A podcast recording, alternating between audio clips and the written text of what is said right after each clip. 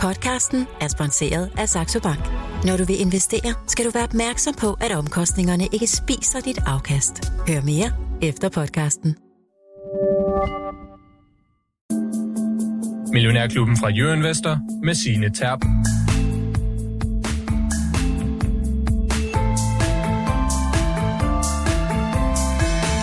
En tsunami af regnskaber brager ind over de finansielle markeder, og man kan lidt få følelsen af at drukne, når man skal finde hoved og hale i de mange begreber. Derfor har jeg på den her onsdag i Millionærklubben allieret mig med to professionelle investorer, som vil lære mig og alle jer, der lytter med, hvordan man takler et regnskab. Og min allierede, det er Johannes Møller, partner og porteføljeforvalter i MW Compounders, og Michael Fris, fast porteføljeforvalter her i Millionærklubben og aktiechef i H.C. Andersen Capital. Godmorgen og velkommen til. Godmorgen, Signe. Johannes, det her med sådan at kunne læse og forstå et regnskab, hvor vigtigt vil du egentlig sige, det er for os som investorer? Altså, jeg synes, det er super vigtigt, fordi det er jo grundlæggende tallene, der, der bestemmer, hvad aktiekursen den gør på lang sigt. Mm. Så hvor meget tid bruger du selv på at, at nørde ned i regnskaber i dit daglige arbejde? Jamen, det ved jeg ikke. Det er måske sådan en tredjedel af den tid, vi bruger på at kigge på selskaberne, som vi bruger på regnskaber og, og opdatere modeller og sådan noget. Og de andre to tredjedele, hvad bruger I så dem på? Men dem bruger vi til for eksempel at lytte ind til conference calls, øh, hvor de forklarer, hvad der sker. Dem bruger vi til måske at kigge på konkurrenter, eller nogle gange holder vi også kald med, med ledelsen i de selskaber, vi har investeret i, eller vi kan tage på en tur eller sådan noget. Den slags ting. Mm. Michael Friis, øh, har du nogensinde ejet en aktie uden at holde øje med selskabets regnskaber? Nej, det tror jeg faktisk ikke, jeg har. Men nu er jeg jo også lidt øh, miljøskadet. Ikke? Jeg er jo revisionsuddannet. Ikke, ikke en lang karriere deri, men, men jeg har haft meget med regnskab øh, igennem min karriere at gøre. Så, så du ved, øh, vi kan diskutere procentandelen. Det er en vigtig del at have liggende i sin værktøjskasse. Det er en vigtig del ligesom at forstå, at om regnskaber, mange kalder dem historiske, og aktier er sat i fremtiden, men det, det er ligesom, du ved, øh, det er ligesom det, der ligger brædderne, det øh, ind i fremtiden. Ikke? Det er det her regnskab, ikke? Så lær at forstå det, ikke? Øh, lær at forstå, øh, de vigtigste elementer af det. Øh, man behøver ikke at være en nørd for at dykke ned i tingene, ikke? men lige forstå nogle af de vigtigste elementer, der er i et regnskab, nogle af de største faldgrupper, øh, noget af det, der er aller, aller væsentligst at, at, at, kigge på et regnskab, det bør egentlig ligge i alle investorers øh, værktøjskasser, og jeg ved godt, at det er svært, og det er lidt kedeligt for nogen, ikke? Men, men det er altså en fundamental del, det, fundamental del af, af, af værktøjskassen. Om det lige er en tredjedel, det tror jeg ikke private behøver at, at, at bruge af deres tid de må godt lige bruge regnskabet bare lige øh, til at til at sætte sig ind i øh, til at sætte sig ind i ja du kan ligesom sige øh, det, det, det der fundament der ligesom skaber fremtiden ikke det er jo det som jeg ser regnskabet lidt som om og, og en fortælling om hvad der kan ske ude i fremtiden. Mm. Så altså en, en lidt svær disciplin medgiver du trods alt det er Michael Friis og nu er jeg ikke økonomiuddannet ligesom I to kloge hoveder er jeg har trods alt beskæftiget mig et par år med det her stofområde og jeg kan godt selv stadigvæk synes at det er sådan lidt svært at finde hoved og hale i fordi det er som om, at jo mere man forstår af det der regnskab, jo mere finder man ud af, at man faktisk ikke forstår. Johannes Møller, synes du selv, at det bare er easy peasy at forstå et regnskab, når du åbner det op? Altså, det tror jeg nok, jeg synes efterhånden, men jeg har også gjort det mange år, har, mm. har gjort det mange gange. Øhm, så det er jo nok ligesom mange andre discipliner, at når man får noget erfaring og har taget noget uddannelse og sådan noget, så bliver det jo ja, en del af værktøjskassen. Altså det er jo også, hvis jeg skal lave et eller andet håndværkarbejde, jeg synes, jeg synes det er vildt svært at få et eller andet billede til at hænge lige, for eksempel. det har du andre faktisk. Okay, okay, så af de svære opgaver der. Sæt en gipsvæg op. Hvis nu jeg havde været tømmer i 10 år, så kunne jeg ret hurtigt sætte en gipsvæg op. Mm, så Måske, øvelse. nej, det ved jeg ikke, om jeg ville kunne, men det vil andre kunne. ja, okay. Øvelse gør mester, og således har vi altså varmet op til regnskabssnakken øh, på den her onsdag i Millionærklub. Jeg håber, vi formår sådan at gøre den rimelig lavpraktisk, og hvis man lytter med og har spørgsmål til et eller andet regnskabsmæssigt, eller måske til noget af det, der ligger i porteføljen ude hos MW Compounder, så er sms'en altså åben. Nummer det er 42 42 03 21. Du skal bare huske at starte din besked med Mio.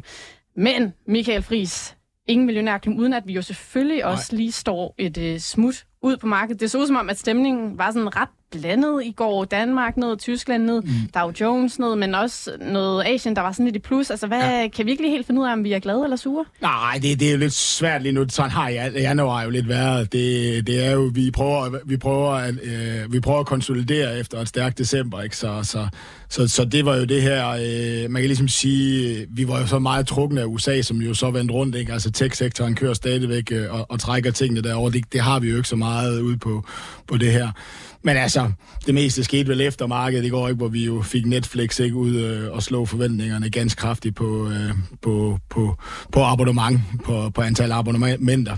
Stadigvæk lidt tre i USA, øh, resten af verden, der trækker, men, men det var jo et beat, der ville noget med omkring 13,5 millioner øh, nye abonnementer, øh, abonnenter øh, versus 9 millioner ventede. Ikke? Så, så det trækker jo igen tech-sektoren lidt op. Herude til morgen har vi jo fået et par store tyske øh, tech, eller vi har fået et par store europæiske tech-selskaber, ikke? ASML, øh, som vi jo har snakket meget om i Millionærklubben, og SAP, ikke? Øh, ud med regnskaber her til morgen. Øh, jeg har ikke engang lige set, hvordan man tager mod ASML. Det var en smule blandet 24. Øh, Ja. Det er altså dem, der laver de her maskiner det er til dem, at der laver chips på, til at, maskinerne yes. til at lave komplicerede chips på. Ikke? Øh, 24 bliver relativt flat, ordreindgangen er sindssygt høj, og, og fremtiden ser lys ud. Ikke? Hvordan kommer investorerne lige til at tage, tage mod de her ting? Ikke? Men sådan overordnet set, jamen så en, en, en, en okay stemning på, på, på, på markederne, kan man ligesom sige. Hmm. Lad os lige holde lidt fast ved, ved Netflix, fordi som du siger, Michael Friis, de imponerede med deres store kundetilvækst. Det var den største siden pandemien, men altså, betyder det, at de står over for sådan lysende gode tider? Aktien er op med 8 procent, tror jeg. Jamen altså, det er jo det, man måler dem på, ikke? Altså, de er, de er leader of the pack. Alle de andre, de trækker følehornene til sig i de her segmenter. Disney prøver at finde ud af, hvordan de skal tjene penge på det, ikke? Uh, Comcast, alle sammen, ikke? Og, og, og i den, der, der lyser de jo op, ikke? Så har de jo den her med, at, at de er jo i gang med at forhindre mig i at dele med min mors uh, password. Det okay. hjælper nok også en lille smule. Nu vi se, hvor lang tid det trækker. Og så, og så mange af abonnementerne kommer jo ind på det her, der altså, det er kun 7, 7 millioner af dem her, der er betalende forbrugere. Resten er jo det her, der kommer ind i det her, hvor de skal bruge reklame, altså de gratis øh, abonnementer, ikke? Og den model, den bliver spændende at følge, om de lykkes med den her. Ikke? Øh, de begynder at gå ind i livesport. Jamen, det, det er en super spændende aktie. Øh, prissætning, så nogenlunde, øh, de ser ud til at være vinder, ikke? og det er jo det, som, øh, som, som man kan ligesom sige, aktiemarkedet belønner. Ikke? Man kan lige, altså, hvis man vil prøve at tage noget, så kan man prøve at tage Disneys aktiekurs versus Netflix over de sidste, sidste års tid, og så prøve at vurdere, hvem det er, man vurderer som vinderen derude. Ikke? Øh, og lige nu, der ser det bare ud til at, at, at fortsætte med at være sådan, og det betaler investorer med glæde for på den korte bane. Altså, man kan sige, at vi snakker meget teknologi, hvor meget skal man have af det, hvor dyrt er det, ikke? Men, men det virker lige nu. Hvornår det holder op med at virke, det ved vi ikke, men øh, det virker lige nu. Ikke? Altså, det er dyrt, men de leverer også bare resultaterne, nogle af de her øh, Magnificent Seven. I hvert fald det første indikation, vi har fået af det, men jeg forventer egentlig også, at det vil blive sådan et rimeligt billede igennem regnskabssæsonen, og det er egentlig det, det fortæller mig. Så havde vi også Texas Instrument ude i går, ikke? Altså fortælle, at du ved, vi har stået og snakket om, nu skal vi snart have noget industri og noget value, ikke? Og jeg, du ved, jeg tror, det er 14 dage siden, øh, jeg stod og diskuterede det, og sagde, hvad er katalysatoren, ikke? Altså, du ved, det, vi er stadigvæk ved at bunde ud i det her segment, og det var det, de var lidt ved at fortælle, fordi de er meget eksponeret mod industri og, og automat, automotive-sektoren, ikke? hvor andre chip-giganter nu begynder at indikere, at, at, at vi måske er på vej op af bunden, er i hvert fald nået, vi har fået lagerne nede og så videre, jamen så er de stadigvæk rimelig ramt af det, og det er jo måske mere en fortælling, ikke om chip-sektoren, men om industrisegmentet. Vi har også 3M ude, øh, som jo er den her kæmpe kemigigant øh, ind i, øh, altså udover at de laver vores post så laver de meget kemi til, mm-hmm. til, til industrien. Så altså, vi får PMI'erne ud af Europa i dag. Industrien er stadigvæk ramt, ikke? Øh, det er sandsynligvis et godt sted at begynde at kigge, men man skal bare ikke tro, at, at det virker, man nødvendigvis lige i morgen at begynde at investere ind i den. Johannes Møller, tech er det, der virker lige for tiden, siger Michael Fris. Tech, er det noget, I har særlig meget af hos jer i MW Compounders? Altså, vi har nogle få aktier i porteføljen. Vi har ikke helt nok i forhold til, hvor meget det kører i øjeblikket. Øh, vi har lige lukket 23, hvor vi havde en rigtig god slutspurt, der sluttede med at være en mulighed foran markedet. Øh, så nu er det tredje år i træk, vi har slået markedet. Det er vi selvfølgelig rigtig glade for, selvom vi ikke havde så mange tech-aktier sidste år, og man kan ikke forvente, at vi slår markedet hvert år. Øhm, men, øh, men, men det krævede også en hård indsats, vil jeg sige, sidste år. Det krævede, at resten af porteføljen virkelig øh, performede godt, og der var behov for gode selskabsspecifikke nyheder uden for tech-sektoren for at kunne følge med de der tech-aktier op. Grunden til, at vi ikke har så mange tech-aktier, det er nok efterhånden, at vi synes, de er ved at være lidt for dyre. Vi har jo som en integreret del af vores proces, at vi kigger på værdiansættelse, når vi investerer. Mm. Så vi har, vi har lidt tilbage i Alphabet, det er en aktie, vi havde, havde sidste år været glad for.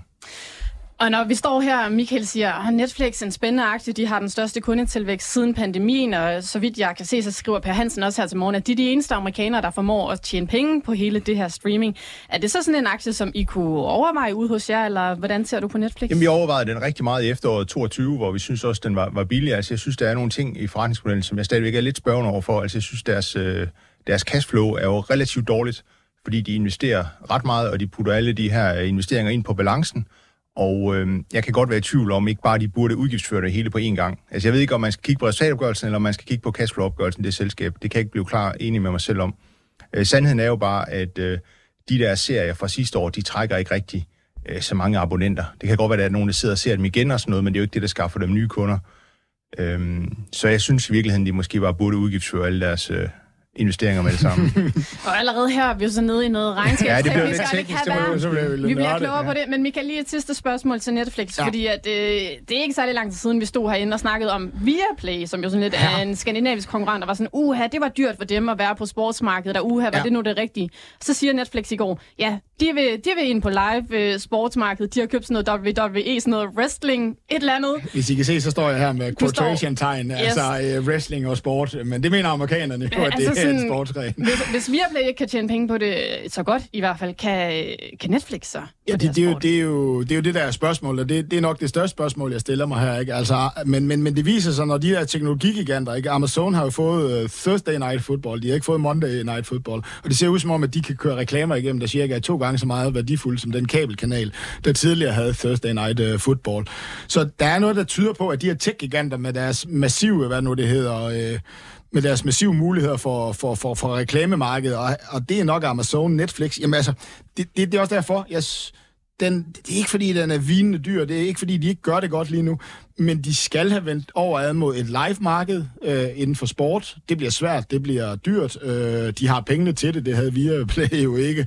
Øh, og så skal de lykkes med det her reklamemarked, og om de kommer til at slå Facebook og alle de her giganter på den her... Altså, der er nogle spørgsmål ude i fremtiden, og, og, og, og, og dem stiller alle. Det er ikke mig, der stiller dem, stiller analytikerne, men så længe man gør det godt på den korte bane, så skal vi ikke stå og lytte til dem. Men det er de spørgsmål, jeg stiller mig på den her. Altså, de har ikke bevis for mig nu, at, at, du ved, at de kan lave den der omvæltning over mod, mod live sport og over mod reklamefinansieret, øh, mere, meget mere reklamefinansieret. Altså det der med at få de rigtige reklamer ind og få den forretningsmodel bygget op. De har jo ikke alle dataen til det, som Amazon og alle de andre har. Altså det er det spørgsmål, jeg stiller mig. De har masser af data, Michael. De ja, har alle de data, der skal bruges. Ja, men på 250 millioner brugere, ikke? Altså, du ved, Amazon de ved da præcis, det. hvad du sidder og ser på Netflix. Hvad ja, tid på de. dagen du ser det, om du ser udsendelsen til slut. Men de ved og... ikke så meget mere om mig, og det skal du tænke på. Det gør Amazon, det gør Facebook. Så Jamen, jeg, også, altså, jeg står ikke her og advarer folk for at have den, eller, du ved, det, det er det, jeg stiller spørgsmålstegn ved, og, og, og derfor har jeg lidt svært ved at have den, øh, og to, det samme som du siger, ikke? Jamen, øh, for to år siden, der var forretningsmodellen jo bare at brænde alle penge af for ligesom at vinde. Ikke? Det ser ikke ud som om, man har brug for det mere, ikke? og derfor skal vi også til at kigge på den med lidt andre øjne. Men hvad hvis Disney eller nogle af de andre lige pludselig giver den gas igen, fordi forbrugertilliden kommer? Hvad forsvinder deres cashflow så igen? Ikke? Altså, det er en det er en lidt svær størrelse at have med at gøre for nørderne. For, for andre investorer der er det sikkert meget mere simpelt mm. at bare sige, de er vinderne, køb det. Johannes Møller, hvis du skulle købe ind i en af de her streamingkæmper og sådan sats i den sektor, hvor vil du så købe ind henne?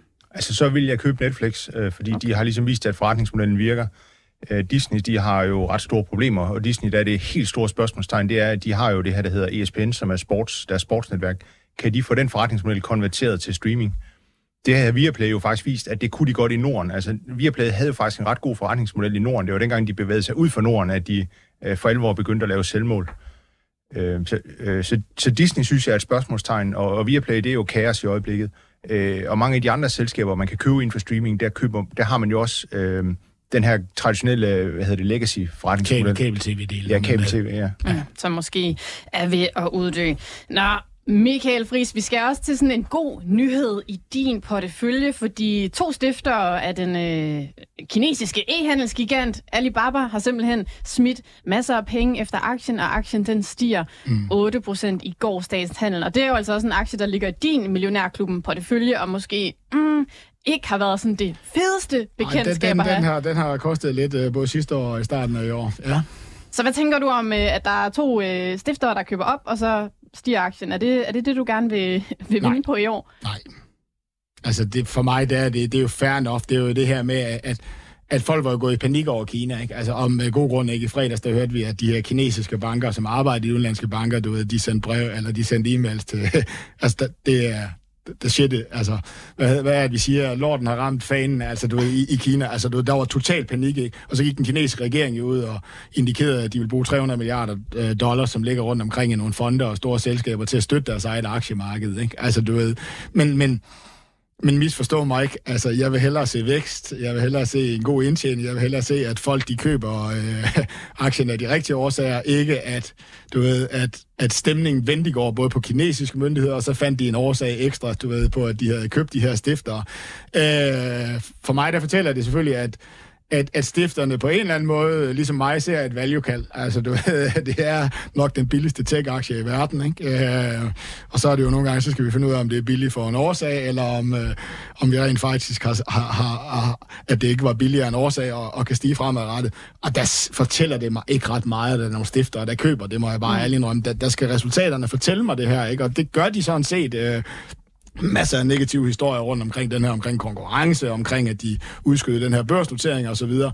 Men du ved, når vi fundamentalt set, så siger jeg, når jeg læser alle artikler, og det er faktisk meget kvæg det her program, vi skal have i dag, alle artikler, du ved, når de kommer med regnskab, er der en i en eneste, der har dykket ned i deres regnskab og set, der ligger cashflow på 25 milliarder dollars. Altså, du ved, det, det, det tror jeg simpelthen ikke, der er. Altså, det er bare, nej, men de vækstede kun 8 øh, procent, øh, Pindadao voksede 60 procent, det er ren lort, ikke? Altså, og så siger jeg, hej, Det er jo også lort, Michael. De har sovet i timen, ja, ja, de har sovet i timen. Jo, jo, jo, men alting har jo sin pris, ikke? Altså, du ved, det, det er jeg enig Men, men så, så, så, så tønder vi regnskabet rundt, og så er deres cashflow vokset 40 procent. Det er 25 milliarder.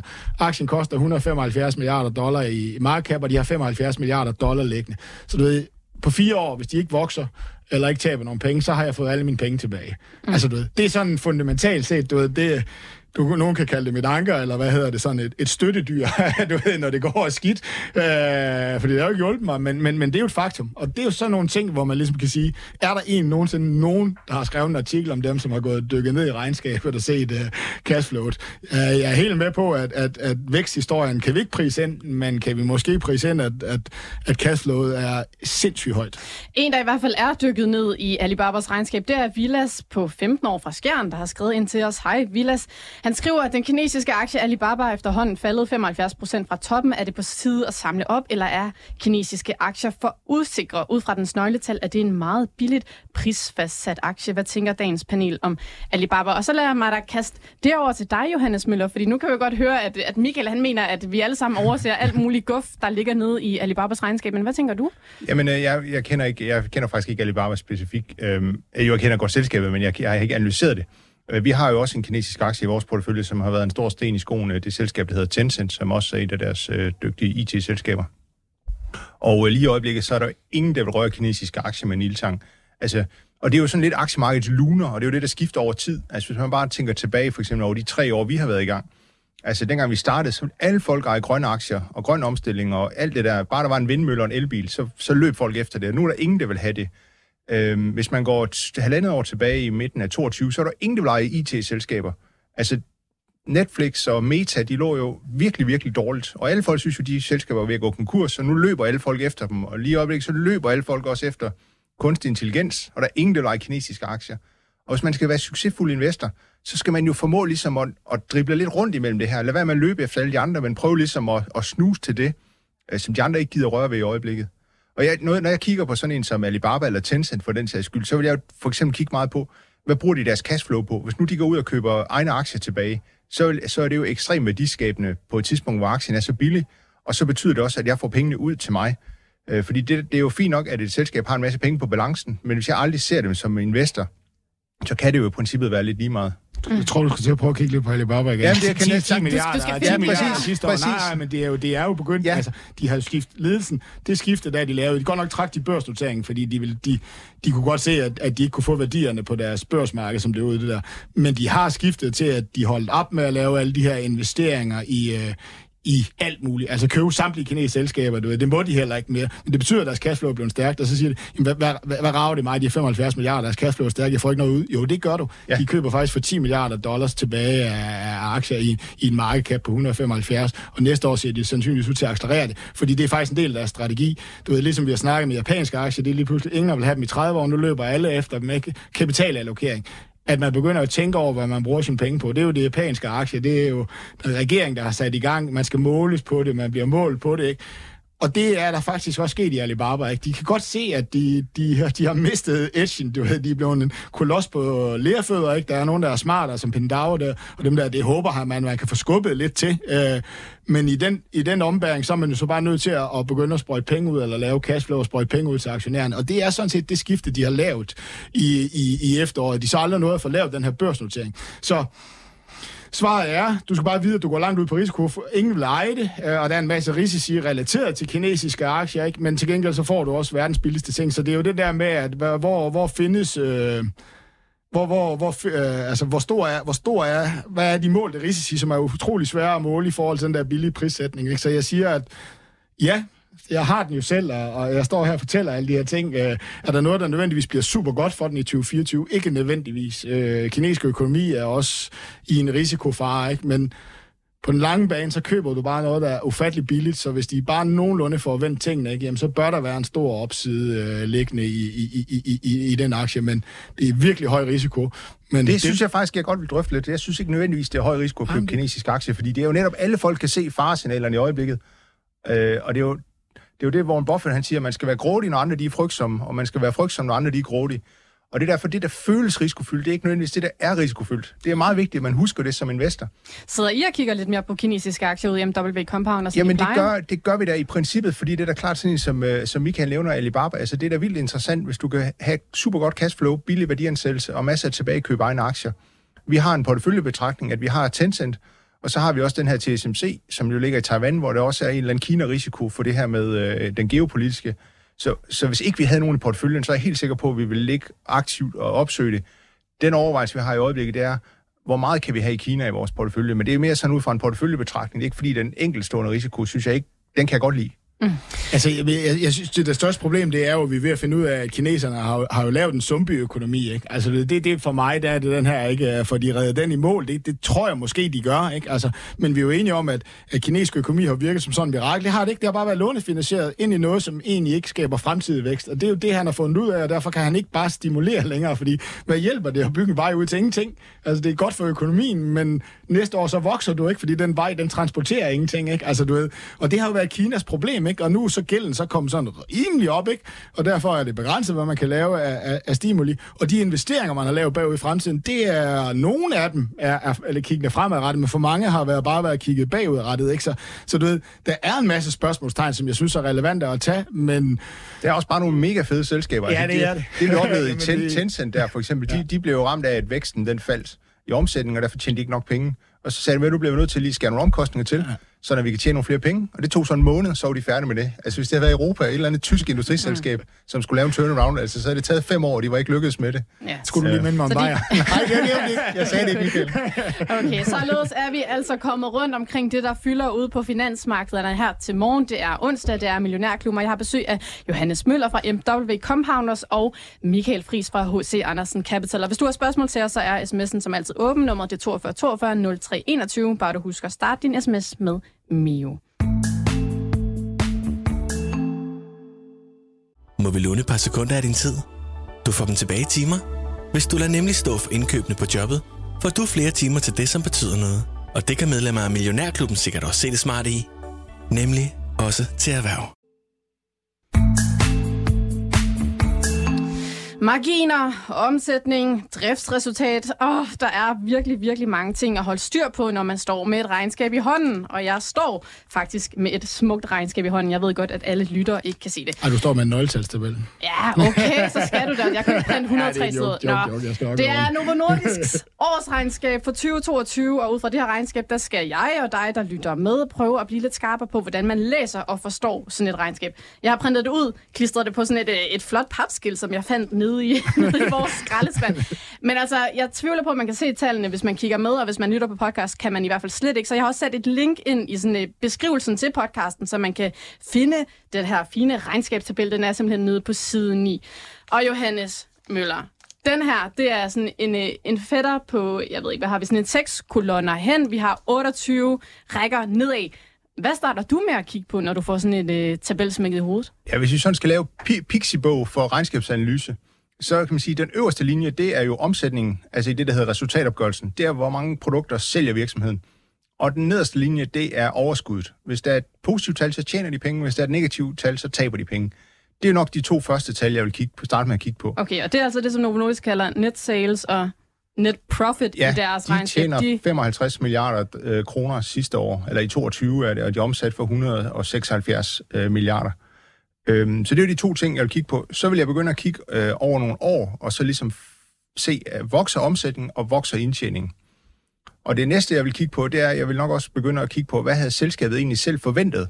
Altså selskaber, de danske børsnoterede selskaber er jo forpligtet til at komme med nogle finansielle målsætninger for hvert år. Og det vil jeg tage regnskab for sidste år og sige, hvad troede de, de skulle tjene i 2022? Har de så levet op til dem, eller ej? Og det næste, jeg måske vil begynde at kigge på, hvis det skal være lidt avanceret, det er også, øh, hvad havde analytikerne forventet? Det kan man finde på Euroinvestor. Måske er der en mm. artikel, mm. hvor, hvor der er nogle journalister, der, der skriver om det. Øh, og hvis jeg så bare lige skal, skal tage to ting mere ind i Pixie-bogen, så vil jeg måske lige beregne to nøgletal. Øh, det ene nøgletal, det er, at jeg vil beregne, hvordan er egenkapitalen forrentet. Og det, okay, og det vil du simpelthen selv beregne? Det kan jeg ikke finde på de her øh, 28 Jo, det kan godt være, det står der et eller andet sted. Øh, de har noget, der minder lidt om det. De har noget, der hedder ROIC, øh, afkast på en investeret kapital. Øh, men det er lidt svært at beregne. Hvis man, egenkapitalforretning, det kan man lave meget selv, for det, let, fordi man kan tage overskuddet, som er 55 milliarder, og så kan man øh, dividere, det, dividere det med øh, egenkapitalen, som er 83 milliarder det er egentlig et udtryk for, hvor stort overskud får man ud i forhold til, hvor mange penge har vi som aktionærer puttet ind i virksomheden. Okay. Ja, så der er altså mange ting, du vil, øh, du vil sådan kigge lidt på. Lad os lige prøve at bryde det, bryde det endnu mere ned, øh, Johannes Møller. Fordi det første, du vil kigge på, sagde du, det var altså salget eller omsætning, det der ja. hed net sales. Altså, hvad, hvad, hvad skal der til for, at det er godt? Hvornår vil du sige sådan, det, det er del med flot. Skal det, ja, Ja, jeg vil jo starte med at se på, hvad er det for en industri, som selskabet er i. Så jeg vil prøve at finde ud af, hvor meget vokser de i forhold til konkurrenterne. Øh, hvis det nu er en industri, der vokser 10%, og man har et selskab, der vokser 7%, så er det nok ikke særlig godt. Så, så der, kan der være nogle tegn på, at de taber markedsandel, og det kan være, fordi deres produkter ikke er gode nok. Øh, så jeg vil prøve at sammenligne med nogle konkurrenter, og så vil jeg også kigge på det absolutte niveau, om jeg synes, det er interessant. Øh, det er klart, at et selskab, der vokser 15 eller 20% det er jo meget mere interessant end et, der vokser 2 eller 3 Mm. Og der kan vi jo så se herude, at øh, der har Novo Nordisk selv regnet det ud for os. De er simpelthen vokset 26 procent. Er det flot så? Det er, ja, det er deres gennemsnitlige vækst. Øh, hvad hedder det? Nej, det er, undskyld, det er, det er væksten 22. Ja, det, det er super flot vækst. 26 procent er, er godt, virkelig, virkelig flot for et medicinalselskab. Farmasektoren vokser omkring 5-6 ja, procent. Så, så det er fire gange væksten, eller fem gange ja. væksten, ikke? Så det vil, i den branche vil man typisk kun finde det for meget små selskaber, som lige har fået et nyt produkt på markedet. Mm. Okay, Michael Friis, øh, hvis nu vi leger, at Novo Nordisk havde købt et eller andet øh, større medicinselskab op, ja. vil deres øh, toplinje, eller det her omsætning, kunne den så godt være kunstigt høj? Altså kan jeg altid stole ja. på den? Nej, det, nu, nu, begynder vi at, nu begynder vi med nørderiet, ikke? Øh, og nu begynder du at bo dernede, hvor satans også skulle vi ikke holde det på Pixiebo. Nej, det kan du ikke. Men så er der noget, altså, så skal man ned og læse teksten, fordi det vil ofte oplyse det, der hedder organisk vækst. Og organisk vækst, det er det, som man selv har skabt. Det vil sige, man har ikke købt det udefra, man har ikke gjort det på nogen måde. Valuta kan være ind og ud over, ikke? Altså, Novo er jo også en enorm dollarfølsom aktie, ikke? Så du ved, at dollaren stiger 15 procent, jamen, øh, så kan det jo godt være, at de amerikanske farmaselskaber, de er faldet 15 procent i vækst for grund af, at dollaren, men Novo er steg 15 procent, ikke? Men er det en fremtidig værdiskabelse, ikke? Så, så, så begynder man at nørde ned i det. Øh, en anden ting er selvfølgelig også, det er 26 procent, jamen, det, det grund til, at du har taget nøgletalstabel med, at den er så god, ikke? det er jo det der med, at vi har de historiske tal her, for alt skal jo så også se i en historisk kontekst. Hvad er den gennemsnitlige vækstrate? Hvis den gennemsnitlige vækstrate er 15 procent, sindssygt godt stadigvæk, men der er noget acceleration, du ved. Øh, men du har fuldstændig ret. Når selskaber begynder at købe op jamen så begynder tingene at blive forvansket øh, i selve nøgletalstabellerne, og så skal man spade et stykke dybere ned for at prøve at finde ud af, hvad de egentlig voksede uden. Og det var derfor, at nu har vi så nævnt nogle tal her, og så siger du, jamen, hey, jeg tjekker lige op på dem, ikke? Mm. Hvad er deres overskud i forhold til deres egenkapitalkrone? Fordi egenkapitalkrone er vokset, hvis man køber op. Et eller andet sted, så er der kommet en masse ting ind på, på bøgerne, eller deres investerede kapital, som er den, der hedder ROIC, altså ROIC. Så har man investeret noget kapital, og, og, og, og godt nok overskud steget, men afkastet er falden, fordi at det opkøb var egentlig ikke særlig godt. Det har boostet tingene, men det var ikke særlig godt. Så nu begynder vi i nørderiet, hvor man ligesom kan sige, men vær lidt påpasselig i selskaber, der har købt markant op året efter. Regnskabet er lidt svært at bruge og kræver lidt større forståelse. Ikke? Nu er vi jo så heldige, at, at Novo jo stort set kun laver bolt-on opkøb, ikke? og har været vel succeshistorien igennem hele farmasektoren, har undladt at gøre det her. Så, så lige Novo behøver vi ikke at snakke så meget om det, men, men ja, så skal man passe en lille bitte smule mere på.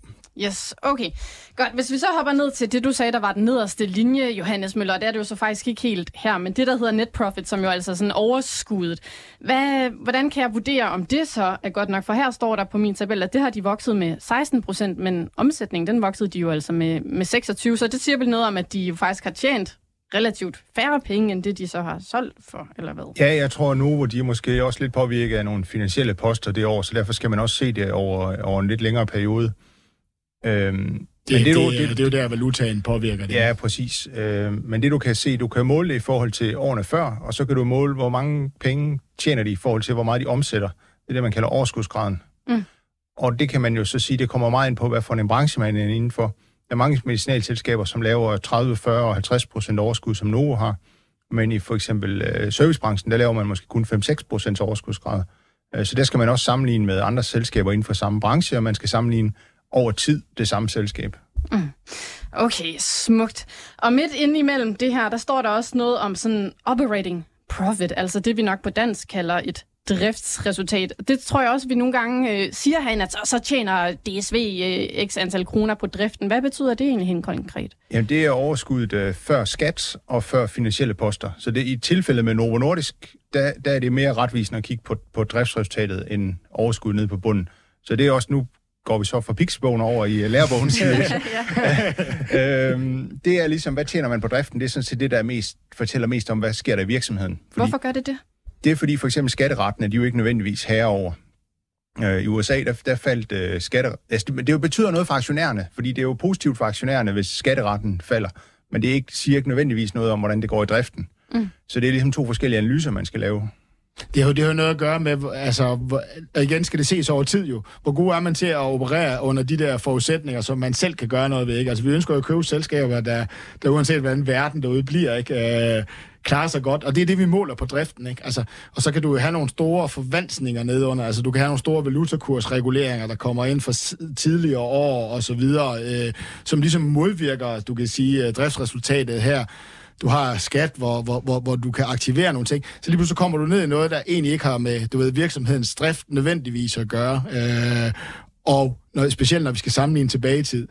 Og så kan man så sige, jamen, skal man så kun kigge på drift? Nej, fordi i det her tilfælde er, at man har købt op og gældsat, så, så ligger der nogle store renteudgifter. Og det er jo her, fortællingen ligger om, at wow, kæft, var de gode til at drive drift. Nej, de har bare lige købt noget sidste år, der har fået dem til at booste. Men der er jo en modpost. Det er, det er at man skal betale nogle renter på de penge, man har lånt for, for at, at lave det her opkøb. Ikke? Så du ved, der er ikke det ene svar, men øh, man bruger meget af de her driftsresultater, og man snakker om det.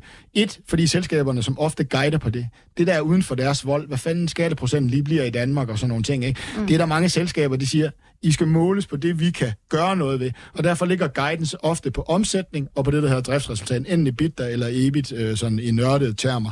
Og derfor er det også et rigtig væsentligt tal, fordi ofte er det der, vi kan måle selskabet op mod det, de selv har udmeldt. Altså det, det, det væsentligste punkt øh, det er jo, hvad troede selskabet, de, de kunne levere, og hvor, dermed, hvor gode er de til at forudsige noget omkring fremtiden. Det fortæller jo noget om, hvor gode selskabet er til at drive tingene. Ikke? Og det er ofte her, vi skal måle dem, og derfor bliver det et tal, som vi nok oftere hører end nettoresultatet, når I læser artikler omkring et regnskab, der kommer. Netop fordi selskabet har guidet her oftest. Mm. Og Johannes Møller, lige før, der talte du allerede om noget, der hedder overskudsgrad. Og der er vi så også inde på sådan et andet buzzword, der tit bliver nævnt herinde i klubben. Vi taler tit om alle mulige former for marginer. Det bliver også tit nævnt som sådan, altså marginerne, de er gode. Hvad i alverden er marginer? Og hvor finder jeg dem henne her? På min altså, planche. Altså marginer, det er, hvor man måler et overskud i procent af omsætningen. Og så kan man måle det forskellige steder i resultatopgørelsen. Man kan måle det, der hedder EBITDA. Det er, alle de der EBIT, det hedder earnings before et eller andet. EBIT, det er earnings before interest and taxes. DA, det er så earnings before interest, taxes, depreciation, amortization. Så det er jo flere omkostningsposter, man tager ud, jo større overskud får selskaberne. Okay. Så det er altså sådan et, et andet form for sådan beregnet tal på ja, hele... Ja, altså det marginen, det fortæller, det er jo, hvor god er man til at få noget ned på bundlinjen, ikke? Altså, hvor god er man til at tjene på den omsætning, ikke? Altså, og, og igen, man skal sammenligne det i brancher, ikke? Vi har begge to investeret i ISS, ikke? Altså, det er 5 procent. Yes, det fik de i år, ikke? Nogle nordisk 42 procent, ikke? Altså, sådan, sådan er det bare, ikke? Så har man bare en meget højere toplinje i ISS i forhold til, til hvad man laver. Men marginerne er så væsentlige, og, og, og det er lidt for... Det, man skal jo nogle gange forestille sig, at man kan enten vokse 10% på toplinjen, eller man kan løfte sin margin en lille bitte smule. Begge dele, det giver jo sådan en, en rigtig stor bundlinjeeffekt. Ikke? Altså, så derfor er marginerne så væsentlige. Ikke? Det er jo, sidste, I sidste ende, så er det hvor mange penge selskaberne tjener til. Vi sådan set jeg er jo ikke ligeglad, men om man laver det ved at have en høj vækst, eller ved at, at effektivisere sin forretning, og dermed tjene mere på den omsætningskrone. Og der er en kæmpestor det, jeg kalder en gearingseffekt. Altså, når man løfter sin margin, så er det bare en super, super nem måde at få en masse penge ned på bundlinjen. Og derfor er vi så fokuseret på det. Ikke som sådan et tal, der siger, det her, det skal være 20 procent, men sådan set over tid, er selskabet i stand til at løfte sine marginer? Er de gode til at overvælde priserne? Er de gode til at styre deres omkostninger? Set over tid, hvordan bevæger den her margin sig? Ikke? Øh, og derfor er det næsten lige så væsentligt som at se på, øh, om, om hvordan... Altså, omsætningen er jo heller ikke det absolute tal. Det er mere sådan, hvordan vækstraterne er, ikke? fordi det fortæller lidt om, mm. hvad, hvad selskabet gør. Det samme med marginerne, det er også sådan, kan man løfte den sådan over tid, så er der bare en kæmpe effekt af det for os aktionærer. Og derfor står vi og snakker rigtig meget om, at hvor, hvor stærke er marginerne. Ikke? Er de blevet bedre? Er de blevet værre end sidste år? Det er rigtig, rigtig væsentligt for dig som aktionær. Så for at samle op på din Pixie-bog, som du startede med at smide på bordet, Johannes Møller, du vil kigge på omsætningen, du vil kigge på resultatet, altså hvad der er øh, tilbage nede på bunden, og så vil du også kigge på egen kapitalforretning, eller den vil du i hvert fald regne ja, ud. Var ja. der andet, jeg har glemt for at summere op?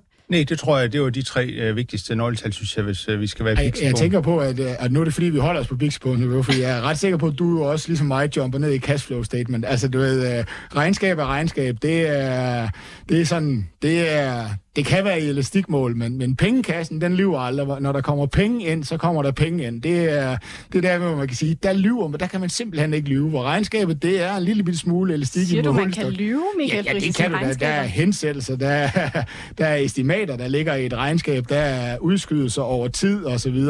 Cashflowet er sandheden, og det er i sidste ende cashflow, der skal ud, men jeg, jeg går ud fra, at du nævnte det ikke, fordi vi holder os på Pixibog-niveau, men man kan godt lige gå ud og se på og sige, selskabet har tjent så og så mange penge, hvor mange penge er der egentlig kommet i pengekassen? Det er forholdstal. Du ved, og nu er det, vi kigger på nogle af... Nu er vi hen i midten af lærebogen. Ja, vi er hen i midten af lærebogen. Nej, men bare lige det, den der enkelte ting, som forståelse af det, at selskabet har lavet et kæmpe overskud, men der er ingen penge i pengekassen. Så skal man lige være lidt opmærksom. Er det fordi, de er i gang med en kæmpe investeringsfase? Fint.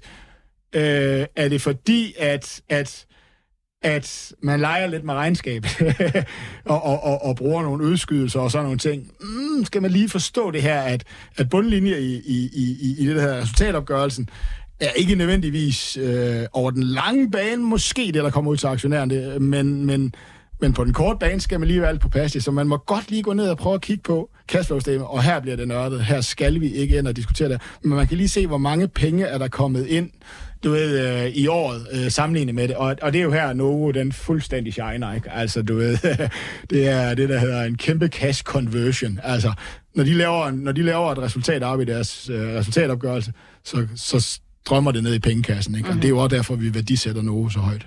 Ja, du gør mig altså lidt nervøs, når du siger, at man kan fuske med regnskabet. Men okay, fair nok, så cashflow, det kan man altså også godt lige gå hen at kigge lidt på. Johannes Møller, øh, det er jo årsregnskaber, der er sådan... Øh, de fleste af de regnskaber, der vælter ned over os nu, det er årsregnskaber. De er jo også lidt for, eller sådan spændende i den forstand, at man jo også melder sine forventninger ud til året, der kommer. Hvor vigtigt er det egentlig at holde øje med i sådan et regnskab? Ja, det betyder jo utrolig meget for, øh, for aktiekursen, fordi det er jo også et udtryk for, hvordan går det i virksomheden. Altså går det fremad næste år, eller går det tilbage? Mm. Så, så hvor meget holder du øje med alt det, der ligesom er rundt om selve nøgletallene i sådan et øh, sådan regnskab nu? Novo Nordisk var på 103 sider sidste år. Altså, vi, vi holder jo utrolig meget øje med, hvad for nogle forventninger selskaberne melder ud, og hvordan de udvikler sig, sig i løbet af året. De betyder lige så meget som de tal, som selskabet har rapporteret. Mm. Øh, og så skal man selvfølgelig også holde dem sammen. Altså, hvis de nu kommer med et virkelig dårligt regnskab for første kvartal, for eksempel, og så opjustere de forventningerne til hele året, så må man sige, okay, kan vi tro på det? Den slags ting. Yes. Og således er vi altså alle sammen lidt bedre rustet til at klare den regnskabssæson, der kommer. Men vi har altså også lige fået et spørgsmål ind fra Glenn, og jeg tænker sådan, at det, at det var måske det, der skulle stå på side 1 i Pixie-bogen. Han skriver nemlig, det lyder fornuftigt, at man skal læse virksomheders regnskaber, men hvor finder den private investor dem? De fleste virksomheder er stoppet med at sende dem, selvom man er navnenoteret. På nogen kan man hente det på nettet, men jeg synes ikke, alle tilbyder det. Johannes Møller, øh, regnskaberne, hvor finder man dem egentlig hen? Ja, altså det er faktisk i Danmark, hvis det er børsnoterede selskaber i Danmark, så har Nasdaq, der øh, Nasdaq, er stillet i gamle, der hedder Københavns Fondsbørs, har faktisk en, en selskabsnyhedsservice. Der kan man bare søge på selskabsmeddelelser på Google, så kommer man ind i sådan et søgemodul. Der kan man vælge selskab, og så kommer alle deres meddelelser. Øh, det er den ene løsning, hvis ikke man kan finde det på selskabernes egen hjemmeside. Men den letteste løsning, og den der virker i 95% af tilfældene, det er bare at søge på selskabsnavnet, og så Investor Relation på Google. Så kommer man ind på deres Investor Relation hjemmeside, og så ligger regnskabet der et eller andet sted. De skal, de skal ikke på deres egne investor relations sider i, i, i Danmark. Øh, Og hvad så, og også alle deres om- præsentationer. Så, så investor relations siderne er jo et, er, er er et rigtig godt sted at, at, at søge de her regnskaber. Og hvad hvis vi snakker amerikanske aktier? Skal de også ligge på Ja, deres altså, hjemmeside? ja, men... Det gør de også. Det gør det- de også generelt set, men, men de amerikanske regnskaber kan være lidt tekniske, fordi de er sådan meget øh, Form A8 og, og, og så videre. Øh, præsentationerne ligger også ofte, hvilket vi jo nu vi elsker at se, ikke? de her præsentationer, hvor man får det lidt i komprimeret form. Ikke? Der gemmer der er amerikanerne lidt mere forsigtige, de gemmer måske kun lige den seneste og så videre. Ikke? Øh, Men ja, regnskaberne ligger også generelt set på de amerikanske derinde. Er bare lidt anderledes at læse end danske regnskaber, fordi noget af det, der skal ligge derinde, og ikke nødvendigvis deres rigtige regnskab, det er, at det er SEC 8 øh, regnskaber. Altså, det er selv for en regnskabskyndig. What the fuck? Hvorfor skal de gøre det så kompliceret at læse de her regnskaber? Men ja, øh, generelt set Investor Relations-siderne er stedet, hvor man skal, skal søge de her informationer. Okay, så regnskaberne er altså som oftest at finde på selskabernes egne hjemmesider, og Glenn, ellers så dækker Euroinvestor dem altså også sådan, i hvert fald de store danske selskaber, så man kan selvfølgelig også få lidt perspektiv på sagerne inde på Euroinvestor.dk efterhånden, som Og, de og det er jo måske vender. det sidste punkt her, og det er jo noget af det, som vi nogle gange sidder og korser os over. Det er jo, da overskrifterne kommer ud, ikke meget i forhold til analytikernes forventninger. Ikke? Altså, du ved... Øh, øh, det, det skal man altså passe lidt på med. Det er, vi er nødt til at måle det op. Et eller andet sted er der sat et eller andet, og det er en konsensusindsamling. Det er nok det sidste, vi mangler. Ikke? Hvor, hvor kommer de her forventninger fra? Hvem fanden er det? Det er alle analytikere, der dækker den her. De laver nogle modeller, og så indsender de det til selskabet eller til nogen, der indsamler, og så er det gennemsnittet af alle de her forventninger. Det er dem, man bliver målt op imod. Det, det, er, jo, det er jo også ret væsentligt at forstå det, fordi det er noget af det, I, I skriver nok som den første, det var værre end ventet, fordi analytikerne havde ventet et eller andet. Ikke? Øh, og, og, og lige en gang imellem springe over de der headlines. Altså, det er noget, vi bruger det i forhold til, men nogle gange så kan der være årsag til, at analytikernes forventninger er, er lidt for gamle, eller det var måske faktisk ikke det, som investorerne kiggede efter. Så, så bare lige have en forståelse for, at, at at hvor, hvor det her det er nørderiet, så er næsten alle artikler, der kommer ud, det er i forhold til de her analytikerforventninger, og de analytikerforventninger, det er simpelthen bare alle, der dækker den, der har lavet en model, der har indsendt det til nogen, og så har de lavet et gennemsnit af det. Så det var måske også lige en sidste ting at, at, at få med. Og så en lille advarsel imod, at, at passe på med at, at læse de første blodige headlines en gang imellem, når, når der kommer regnskab fra, fra journalisterne, fordi det er det, de gør. De måler det op i forhold til, hvad analytikerne har forventet. Og så lægger vi altså regnskaberne lidt på hylden, og vi kigger i stedet for hen mod chips. Og det er altså ikke den slags, man putter i munden, men den slags, der er i stort set al elektronik. For Johannes Møller, ude i MW Compounders, der har I en af verdens største chipproducenter, hvis ikke den største, TSMC, liggende i porteføljen. Og det viste sig jo at være sådan en, øh, en ret heldig investering i sidste uge. Hvad var det, der skete? Jamen, der kom til SMC netop med årsregnskab for 23, og det var øh, et godt eksempel på, at, at aktiemarkedet ikke reagerede på deres øh, regnskab, men på deres forventninger til 24. Øh, fordi 23 var sådan lidt, et, har været lidt et halsløjt over for dem, fordi der har været store lagertilpasninger. Men nu siger de 24, der kommer tingene til at vente, der forventer vi øh, igen rigtig flot fremgang i omsætningen, og det kunne aktiemarkedet rigtig godt lide. Så prøv lige at tage os med ind i det her, fordi det er vel i virkeligheden et ret godt billede på noget af det, vi snakkede om. Når man kigger i deres regnskabstal, deres omsætning var sådan nogenlunde flad fjerde kvartal øh, 23 i forhold til inden, og når man så kigger på øh, driftsresultatet, jeg ved ikke om de også havde skrevet årsresultatet, så var det ligesom i parenteser, hvilket jo egentlig indikerer, eller når man kigger den procentvise ændring, var det i parenteser, fordi det indikerer, at der var faktisk en tilbagegang. Så hvorfor er det, at aktien steg og ikke faldt? Det er fordi aktien har sådan set ligget øh, lidt sløjt i en periode i forhold til, hvor godt man ved, det går inden for chips og også alt det her med kunstig intelligens og sådan noget. Og det er fordi, at der har været sådan en stor lagertilpasning oven på corona, øh, hvor at alle, hele, alle ledene i værdikæden, altså dem, der producerer chips, dem, der producerer telefoner, dem, der sælger telefoner, har simpelthen skulle nedbringe lager hele vejen igennem, og derfor har der ikke været så stor efterspørgsel for TSMC's chips. Og øh, det er den proces, vi er igennem nu. Øh, så nu ser vi ind i, at øh, omsætningen kommer til, kan man sige, mere til at følge den underliggende vækst i markedet. Og de forventer altså øh, en omsætningsvækst på over 20 procent i år. Hvad er det, der så skal, skal drive det? Siger de noget om det, Johannes Møller? Jamen, det er jo øh, blandt, de, de, der er jo to, de har to store segmenter. TSMC, de laver ikke sådan alle mulige chips. De, deres største omsætning, det er inden for telefoner og inden for datacenter. Så det er de to ting, der skal virke for, at deres samlede forretning, den virker. Øh, og det er jo blandt andet noget med, hvad er det for nogle nye telefoner, som Apple kommer med, og øh, hvad sker der på de her datacenter. Så det er de to underliggende driver. Og så den tredje, det er, at de har også noget ny teknologi, øh, som hedder N3, så vidt jeg lige husker, øh, som også vokser rigtig meget i øjeblikket. Og hvor vigtigt er det, altså, at, at de her øh, under, eller dem, som deres kunder også har det godt for dem? Det er jo altafgørende, fordi de har jo simpelthen så høj markedsandel, mm. at øh, de, de kan ikke vokse mere end markedet, fordi de er, jeg tror, de har over jeg tror, de har stedet med 80-90 procent markedsandel på de her forskellige ting, de er ledende indenfor. Mm.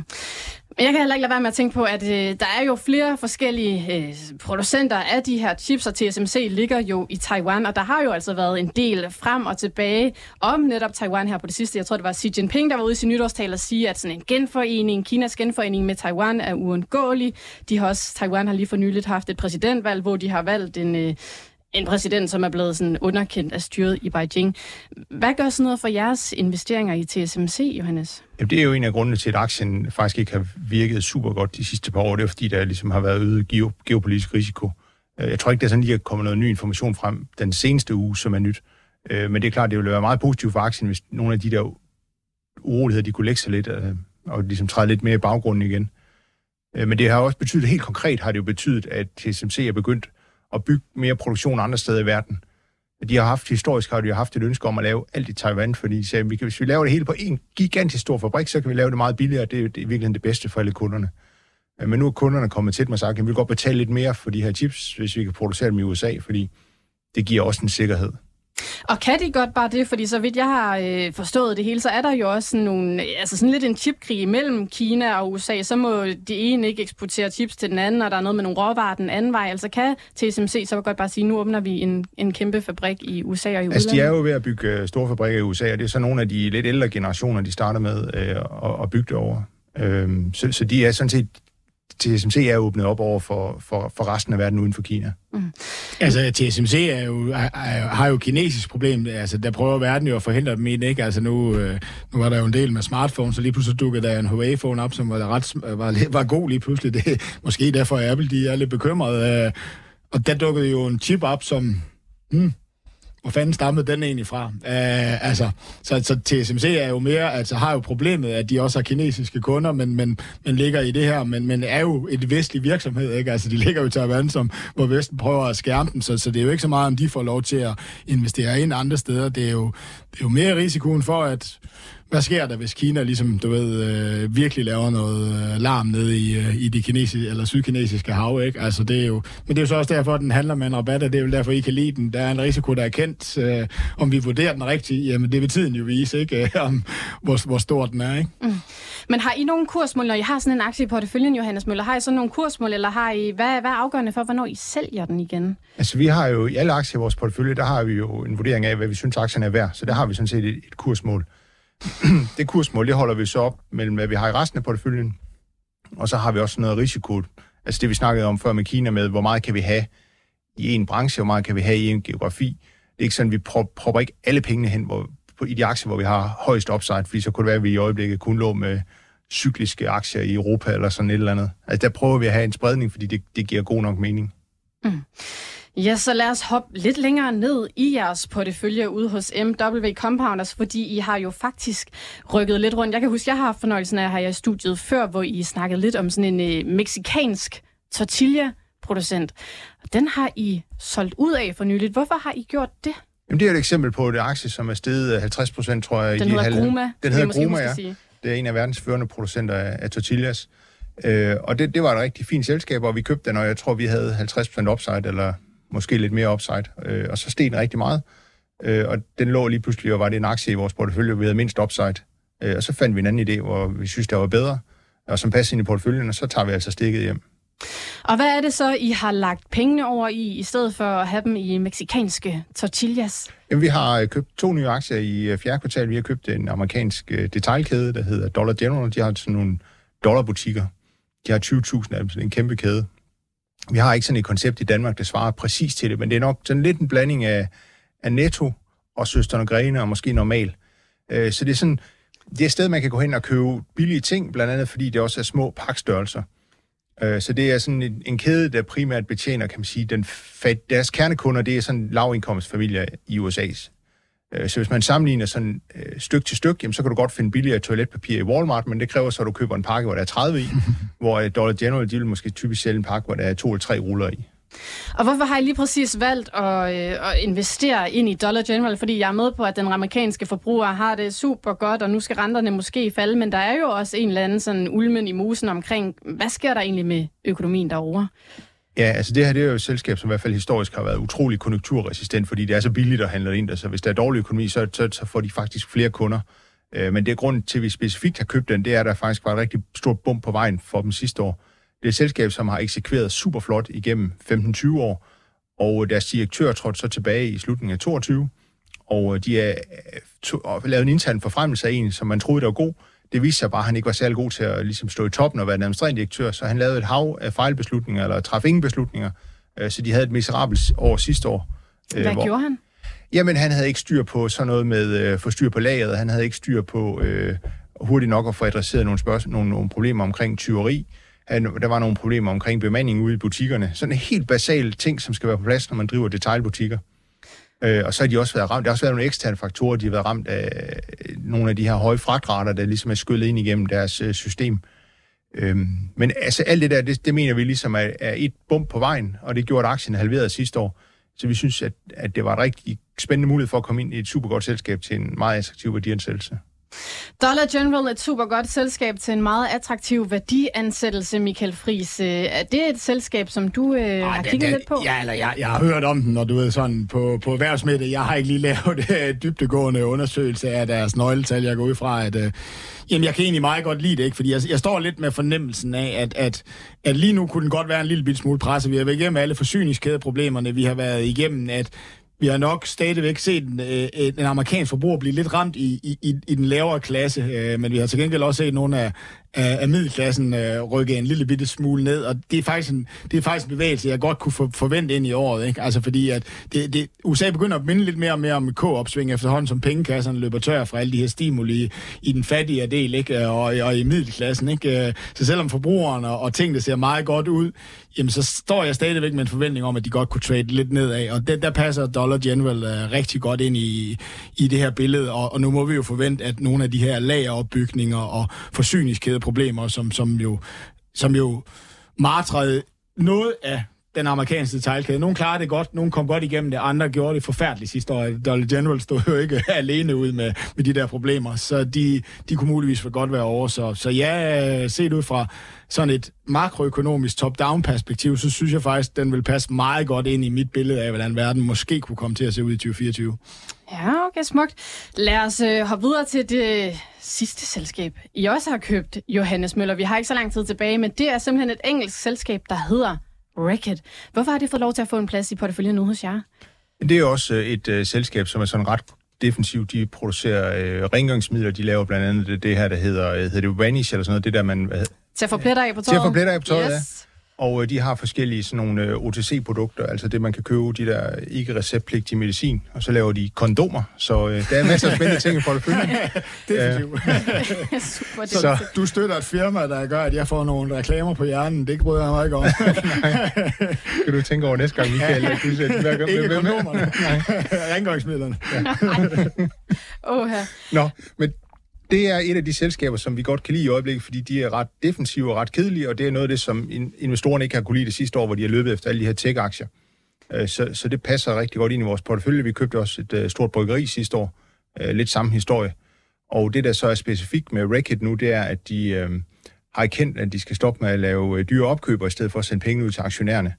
Øh, og det mener vi er rigtig værdiskabende. De betaler en pæn dividende, og så har de startet et ret stort tilbagekøbsprogram øh, som vi øh, godt kan lide, fordi vi synes, at aktien er undervurderet. Har de haft en historik med at købe noget op, som ikke var Ja, de har lavet en kæmpe, kæmpe katastrofe for en 7 år siden. De købte et stort selskab, der hed Mead Johnson, som solgte, øh, hvad hedder det, børne, børnemad, hvad hedder det, infant nutrition hedder det på engelsk. Mælkepulver. Ja. I, til, øh, i Kina. Modermælksanstalten. er, det, er det rigtige danske ord. Øh, I Kina, og det, det, var, det betalte de alt for meget for. Og øh, kineserne får jo ikke så mange børn så, længere, som de har gjort så det, har været, det var virkelig en dårlig investering. Yes. Således er vi altså nødt til at binde en sløjfe på dagens program. Vi kom forbi regnskaber og på det følgende ud i MW Compounders. Tusind tak, fordi du lagde vejen forbi os. Johannes Møller, og også tak til dig, Michael Fris, og tak til Alex Brøndbjerg, der fik det hele til at køre ude i teknikken. Vi er altså tilbage i morgen, hvor blandt andet Per Hansen fra Nordnet kigger forbi studiet.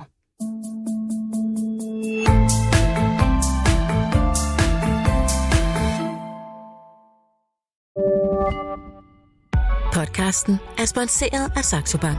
Vi skyder året i gang med nye lave priser, så du kan investere til nogle af markedets laveste priser og beholde flere penge til dig selv. Mindre til banken, mere til dig.